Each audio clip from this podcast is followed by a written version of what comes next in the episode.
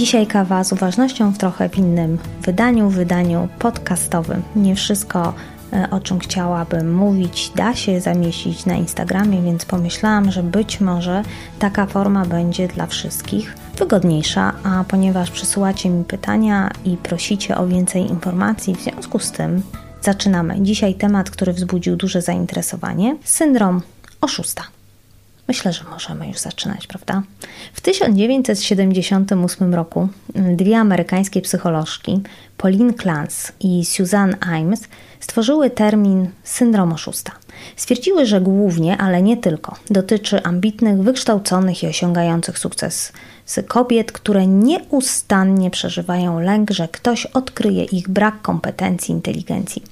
Natomiast jeśli ich otoczenie na przykład miałoby na ich temat dobre zdanie, to po prostu oznacza, że one się fantastycznie maskują. To są takie osoby, które stawiają sobie cele prawie niemożliwe do osiągnięcia, bardzo krytycznie reagują na wszelkie niepowodzenia i deprecjonują wszelkie pochwały, o czym powiem trochę dalej, i funkcjonują w takim cyklu. Z jednej strony obawiają się, czy sprostają w jakimś wymaganiom, w związku z tym na przykład rezygnują z realizacji jakichś projektów, albo nadmiernie się przygotowują i nadmiernie oznacza, że na przykład to może trwać kilka lat, lub zwlekają i potem pracują w pośpiechu w bardzo dużym napięciu. A jeśli efekt jest sukcesem, przypiszą go albo szczęściu, albo innym osobom. W badaniu z 1984 roku, i to badanie przeprowadzono wśród ludzi uznawanych za ludzi sukcesu, okazało się, że aż 70% stwierdziło, że doświadczyło w swoim życiu uczucia syndromu oszusta. Cóż to znaczy? To znaczy,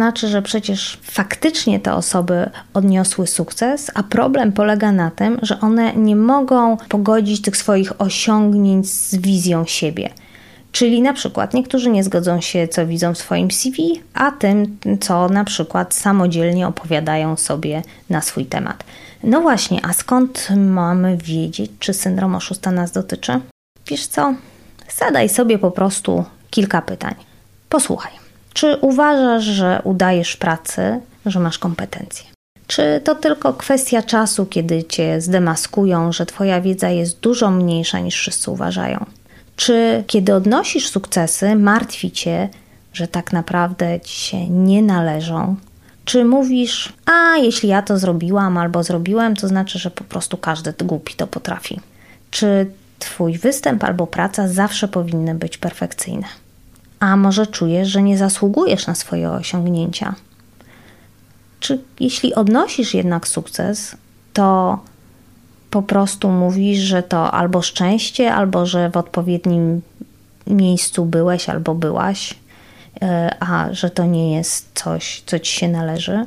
Czy przepraszasz za siebie, nawet jeżeli nie robisz nic złego? I czy uważasz, że ludzie przeceniają Twoje osiągnięcia?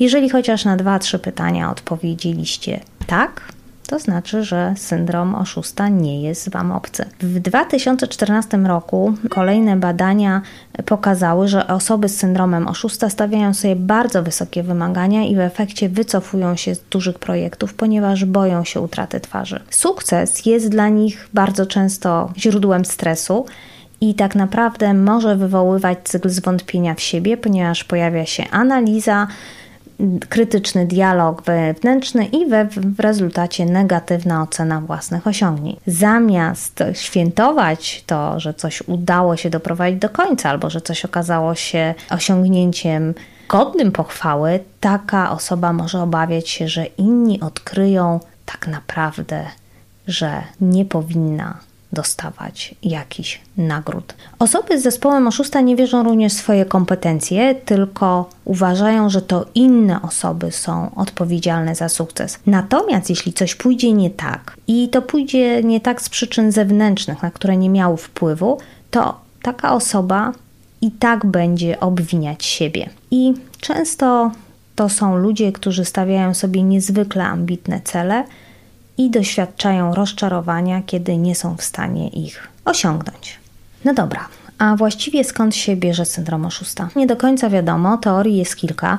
Jedna z nich y, mówi o tym, że być może to akurat dotyczyło kobiet, że być może kobieta wychowywała się w domu, gdzie miała starsze rodzeństwo i o którym się mówiło, że to rodzeństwo jest takie inteligentne, że odnosi sukcesy, że pokłada się w nich nadzieję, a o niej na przykład mówiono, że ona ta, jest ta ładna, ta wrażliwa, ta miła y, i dorastała z takim przekonaniem, że właściwie niezależnie od tego, co w jej życiu się wydarzy, niezależnie co w życiu zrobię, to i tak nie doścignie tego ideału. W związku z tym może u niej wystąpić taki konflikt, y, który będzie polegał na tym, że z jednej strony będzie miała poczucie, że powinna udowodnić y, swojej rodzinie, że to ona też jest ta inteligentna, że ona jest też tą osobą, która może odnosić sukcesy, a z drugiej strony gdzieś ma takie myślenie, okej, a może oni mają rację, może rzeczywiście ja jestem ta miła i może taka jest y, moja rola.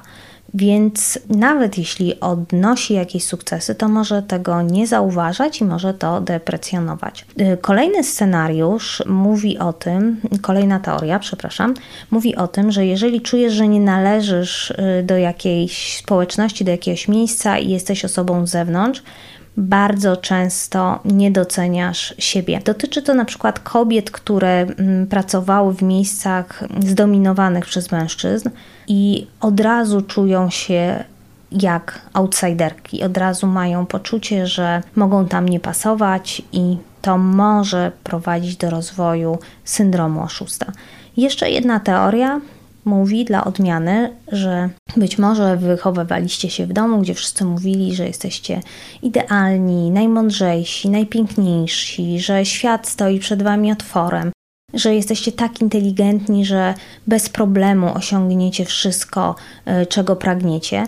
I potem w miarę dorastania okazało się, że te rzeczy, które są na wyciągnięcie ręki, to potrzeba pracy i że pojawiają się jakieś przeszkody, że pojawiają się jakieś porażki, i nagle to wasze poczucie bycia osobą niezwykłą zostaje zburzone. W związku z tym pojawia się taki lęk, że tak naprawdę jesteśmy do niczego, że tak naprawdę jesteśmy do bani, że nie jesteśmy w stanie nic osiągnąć, i jeszcze w dodatku pojawia się wstyd, bo przecież wszyscy uważają, że jest inaczej. Wszyscy do tej pory mówili, że powinniśmy osiągnąć sukces, że nam się to po prostu należy. No i właśnie, co się dzieje, kiedy pojawia się ten syndrom oszusta i jak wpływa na nasze zdrowie psychiczne. Strach przed byciem niewystarczająco dobrymi w niektórych przypadkach może prowadzić do różnych problemów psychicznych. Może pojawić się w naszym życiu lęk, może się pojawić wycofanie, brak pewności siebie i chociaż nie ma syndromu oszusta CD10 i chociaż część psychologów i psychiatrów uważa, że tam powinien być, to tak sobie myślę, że dotyczy sporej grupy e, osób. Niektórym towarzyszy czasowo, niektórym towarzyszy przez całe życie, że trudno byłoby chyba wpisać e, w, w zaburzenie. Natomiast e, w takich skrajnych przypadkach syndrom oszusta może prowadzić do depresji. Doktor Valerie Young, autorka sekretnych myśli kobiet sukcesu, dlaczego ludzie zdolni cierpią na syndrom oszusta i jak prosperować y, w, mimo to, zidentyfikowała pięć typów oszustów. I teraz Wam opowiem. Zobaczcie, który z nich Wam jest najbliższy. Pierwsza osoba to ekspert. Ekspert nie poczuje się usatysfakcjonowany po zakończeniu zadania, dopóki nie będzie mieć pewności, że po prostu wie wszystko. Ekspert dąży do doskonałości, ponieważ chce zadowolić innych. Czują się takie osoby często jako, oszust, jako oszuści, ponieważ zawsze jest ktoś lepszy. Jeżeli jesteś ekspertem wśród oszustów, to możesz mieć tendencję do zagłębiania się w książki, kursy, szkolenia przed przystąpieniem do projektu lub prezentacji. Możesz unikać ubiegania się o pracę, ponieważ masz poczucie, że na pewno nie spełnia wszystkich kwalifikacji. A jeżeli od lat się uczysz lub pracujesz i właściwie inne osoby mogą powiedzieć, że jesteś ekspertem, okazuje się, że ty nadal czujesz, że jesteś niewystarczający albo niewystarczający. Z czego warto sobie zdać sprawę? Przede wszystkim, że wiedza nigdy się nie kończy. Więc może warto powiedzieć sobie stop i zamiast gromadzić wszelkiej wiedzy, to zgromadzić ją tylko wtedy, kiedy jest to nam potrzebne. Czyli, żeby skupić się w 100% na jednej umiejętności, zamiast na dzieleniu uwagi, aby nauczyć się wszystkiego. Kolejna osoba to perfekcjonista. Perfekcjonista stawia sobie ekstremalne cele, w związku z tym doświadcza wysokiego poziomu niepokoju, wątpliwości, ciągle się zamartwia, koncentruje się na tym, co może zrobić jeszcze lepiej, zamiast celebrować to, że coś osiągnął. I tak naprawdę to są osoby, które nie tylko chcą na 100%, one chcą na 110 przynajmniej realizować swoje cele lub zadania. Jeżeli masz tak, że zawsze trzymasz się najwyższego standardu, że czasem ci mówią, że tak naprawdę jesteś mikromenadżerem, e, jeżeli e, przedstawiasz udaną prezentację, a potem masz do siebie pretensje, dlatego że zapomniałaś albo zapomniałaś o kropce albo jakimś drobnym szczególe, jeżeli nie dostaniesz złotego medalu, to wszystko jest do bani i twoje życie po prostu jest niczym, to jesteś właśnie perfekcjonistą. Co może zrobić perfekcjonista, jak sobie pomóc? Hmm. Po pierwsze, sprawdź, czy stawiasz realistyczne cele. Czy w ogóle sprowadzisz listę swoich celów? Jeżeli tak, to spójrz na nie. I czy tych celów nie ma za dużo, i czy tak naprawdę nie możesz niektórych z nich sobie odpuścić albo rozłożyć inaczej w czasie. Jest też takie ćwiczenie, które się poleca, bardzo mi się podoba, perfekcjonistom, czyli żeby wziąć kartkę, wziąć ołówek, usiąść wygodnie, nastawić e, zegarek na dwie minuty i zacząć rysować na przykład swój dom albo swoje ulubione ciasto, albo plażę i wodę i przez dwie minuty cały czas e, rysować, nie bardzo szybko i starać się narysować w tym czasie jak najwięcej szczegółów i potem przyjrzeć się temu rysunkowi. Jeśli okaże się, że ten rysunek nie jest skończony, to super, dlatego że celem tego ćwiczenia jest to, żeby zaakceptować, że praca jest dobra, mimo że można do niej dodać jeszcze coś albo jeszcze więcej cosiów. Kolejna e, osoba to naturalny geniusz. To są osoby, które szybko i łatwo opanowują wiele nowych umiejętności i mogą czuć się zawstydzone i słabe, kiedy będzie jakieś duże wyzwanie naturalni geniusze mają taką tendencję, żeby patrzeć na profesjonalistów w swojej dziedzinie i zastanawiać się nerwowo, ale dlaczego, dlaczego ja nie jestem na jego miejscu, dlaczego mnie tam jeszcze nie ma. Często zapominają, że żeby osiągnąć cel, potrzebna jest droga, potrzebna jest nauka, która przenosi te osoby, które są na początku drogi, na poziom potem tego, że są ekspertami w danej y, dziedzinie, natomiast takie osoby w obliczu niepowodzeń zwykle kwestionują własne kompetencje. Jakie mają cechy naturalni geniusze? Wierzą, że, i zobaczcie, jaka to będzie pułapka, wiedzą, że ludzie rodzą się z talentem i kwalifikacjami. To są osoby, które łatwo się frustrują i bardzo szybko mogą przerzucać się z jednego hobby na drugie i mają takie poczucie, że wszyscy dookoła odnoszą sukcesy, a oni są po prostu przegrywami. E, że oni są beznadziejni, bo tutaj jedna pani ma sukces, druga pani i trzech panów. Jak można to przełamać? Warto pomyśleć o tym, że jest ta droga i żeby nastawić się na rozwój czyli że wysiłkiem możesz poprawić swoje zdolności, umiejętności i rozwinąć talent. I jest to przeciwieństwem do tego e, sztywnego myślenia, że ktoś coś ma, tak, że ktoś się urodził ze wszystkimi kompetencjami, ze wszystkimi zdolnościami. W momencie, kiedy się nastawiasz na rozwój, masz taką przestrzeń i to ci odkrywa nowe możliwości. Kolejna osoba to solista. Woli pracować sam, boi się, że poproszenie o pomoc ujawni to, że jest niekompetentny, nawet może odrzucać pomoc, ponieważ chce w ten sposób udowodnić swoją wartość. Jeżeli czujesz, że potrzebujesz czasu więcej na przygotowywanie się, że jeżeli wolisz indywidualne niż grupowe projekty, i nie prosisz o pomoc, nawet gdyby ci się przydała, to prawdopodobnie jesteś solistą. I to może być czasem tak, że nie prosisz o pomoc, bo masz poczucie, że nie ma wokół ciebie ludzi, którzy mogliby ci tej pomocy udzielić. Dlatego może warto sobie zadać pytanie, czy są wokół mnie, albo gdzie poszukać czterech osób, z którymi chętnie spędzam czas i mogą mi się przydać i od których chciałbym albo chciałabym się czegoś nauczyć i dołączyć do takich osób. To może być dołączenie do grupy ekspertów, do jakiejś grupy wsparcia, pójście na jakieś szkolenie, gdzie możesz dołączyć do osób, od których chciałbyś albo chciałabyś czerpać wiedzę. I ostatnia grupa to superbohaterowie. Często przodują jako pracocholicy co może prowadzić, jak sobie wyobrażacie, do wypalenia, może wpływać na samopoczucie fizyczne i psychiczne oraz relacje z najbliższymi.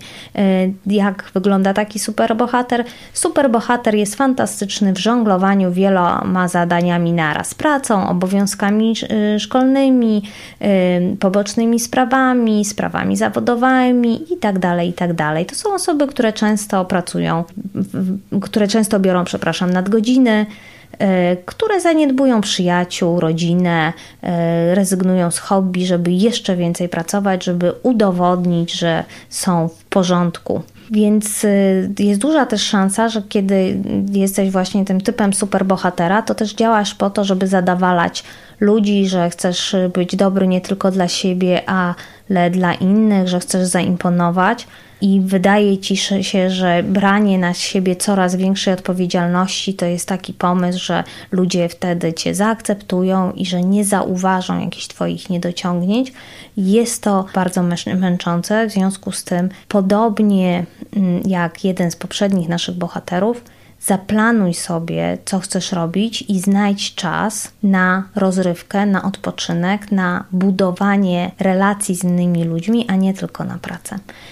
I jak jeszcze można sobie radzić? Przede wszystkim we wszystkich opracowaniach y, ta rada się pojawia, więc może warto z niej skorzystać, żeby porozmawiać z innymi, bo często mamy takie poczucie, że y, to jest coś, co dotyczy tylko nas, że nikt więcej tak nie czuje, nikt nie, więcej nie ma takiego problemu. Tymczasem okazuje się, że zobaczcie, tak jak na początku mówiłam, dotyczy to dużej grupy ludzi.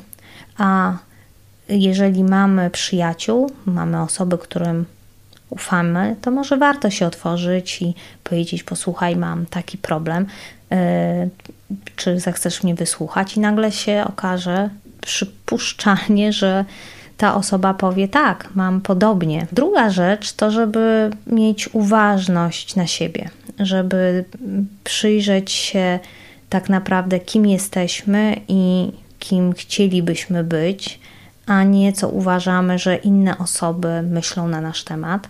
Przyjęcie też, że porażka jest naturalnym procesem, który się pojawia podczas nauki, że porażki nas dużo więcej uczą i pokonywanie przeszkód, niż jeżeli wszystko idzie gładko cały czas, bo wtedy dopiero mamy problem z docenieniem i y, z nauką. Dobrze też y, zaakceptować, że nie ma idealnych osób, że nie da się być y, perfekcyjnym cały czas, że możemy być momentami perfekcyjni i że to wystarczy, żeby poświęcić czas na świętowanie aktualnych osiągnięć, żeby też przypominać sobie minione sukcesy, które odnieśliśmy i żeby się przyglądać, jak to wtedy było i co nas, y, czego nas to wtedy nauczyło. Jeżeli czujemy bardzo duży lęk przed przystąpieniem do jakiegoś działania, zadajmy sobie pytanie, co najgorszego może się wydarzyć i piszmy, piszmy przez parę minut. I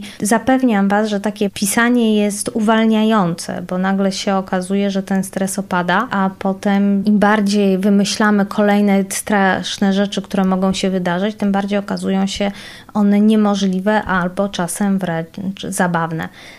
I to, co jest bardzo ważne, że definicja sukcesu jest bardzo subiektywna i dlatego warto mm, przestać porównywać się z innymi. Zresztą Theodor Roosevelt bardzo ładnie powiedział, że porównywanie jest złodziejem radości i też tak myślę. Poza tym warto się przyjrzeć i zastanowić, co tak naprawdę dla nas jest sukcesem, co dla nas jest czymś, do czego chcemy dążyć, bo czasem jest tak, że obserwujemy, że ten odniósł sukces, tamten odniósł sukces i myślimy, tak, chcę być na jego miejscu, a potem się okazuje, że to, o czym myślimy, to jest jakby jego definicja sukcesu, a nie ma to nic wspólnego z nami, więc warto taki czas znaleźć, żeby zastanowić się, co dla nas jest ważne. Jeżeli rzeczywiście ten syndrom oszusta bardzo wpływa na nasze życie, na nasze poczucie wartości, na sposób komunikowania się, kiedy pojawiają się lęki, kiedy macie poczucie, że chcecie się wycofać y, z życia, że sobie nie radzicie, wtedy działa terapia poznawczo-behawioralna, ponieważ y, ona ma na celu poprawę strategii radzenia sobie przez kwestionowanie nieprzydatnych wzorców myślowych, i wtedy warto e, udać się do specjalisty, który nam z tym pomoże.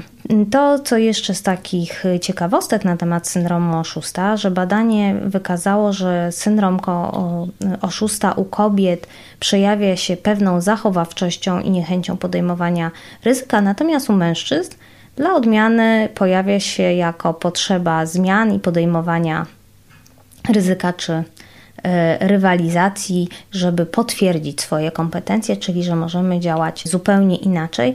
Przypuszczam, że to też jest bardzo indywidualne, bo również u kobiet może przechodzić w rywalizację, jak i u mężczyzn w wycofanie. Bardzo mi się podobało, y, bo kiedy się przygotowywałam do mm, tego nagrania, przeczytałam sporo różnych y, informacji. Zresztą mm, napiszę potem źródła, z których korzystałam. I bardzo mi się podobała historia, że jeden z profesorów y, opublikował swoje CV niepowodzeń, czyli listę wszystkich programów, możliwości i grantów, których nie otrzymał, tych wszystkich sytuacji, kiedy został odrzucony i zapoczątkował taki internetowy trend, za którym poszło wielu naukowców i też się dzieliło informacjami, czego nie udało im się dokonać, po to, żeby obniżać stres w swoich studentach, żeby nie mieli na starcie takiego przekonania, że o, a ten tutaj już tyle w swoim życiu y, uzyskał, a ja tak naprawdę jestem na początku i na pewno mi się to nie uda, bo on jest taki niesamowity. I już na sam koniec cytat, który bardzo mi się podoba i który bardzo mnie poruszył. Kilka lat temu miałem szczęście zostać zaproszonym na spotkanie wielkich i niesamowitych osób artystów i naukowców, pisarzy i odkrywców. I czułem, że w każdej chwili mogą zauważyć, że nie pasują. Stałem z tyłu sali i zacząłem rozmawiać z bardzo miłym, uprzejmym starszym panem o kilku rzeczach, w tym o naszym wspólnym imieniu. A potem on wskazał na salę pełną ludzi i powiedział słowa, które brzmiały – po prostu patrzę na tych wszystkich ludzi i myślę, co ja tu do cholery robię. Zrobili niesamowite rzeczy. Ja po prostu poszedłem tam, gdzie mnie wysłano. A ja powiedziałem: Tak, ale byłeś pierwszym człowiekiem na księżycu. Myślę, że to się liczy. I poczułem się wtedy trochę lepiej. Bo jeżeli Neil Armstrong czuł się jak oszust, to może czuliśmy się tak wszyscy. Może nie było żadnych super ludzi, tylko ludzie, którzy ciężko pracowali, a także mieli trochę szczęścia i czuli się trochę zagubieni. I wszyscy wykonywali najlepszą pracę, jaką mogli. I to wszystko, co naprawdę możemy zrobić. I to powiedział pan, którego książki uwielbiam, czyli Neil Gaiman. Na dzisiaj to wszystko. Mam nadzieję, że trochę więcej wiecie o syndromie oszusta. Mam nadzieję, że to, co powiedziałam, Wam się przyda. I bardzo proszę, zadbajcie o siebie, nie dajcie się i może to już czas, żeby z tego syndromu po prostu zrezygnować. Dziękuję i pozdrawiam serdecznie. Anna Ślusarczyk.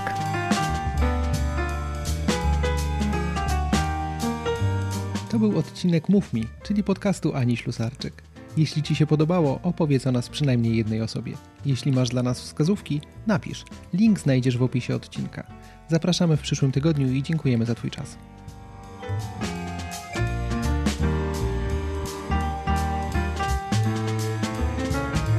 Produkcja i realizacja techniczna www.babyboom.pl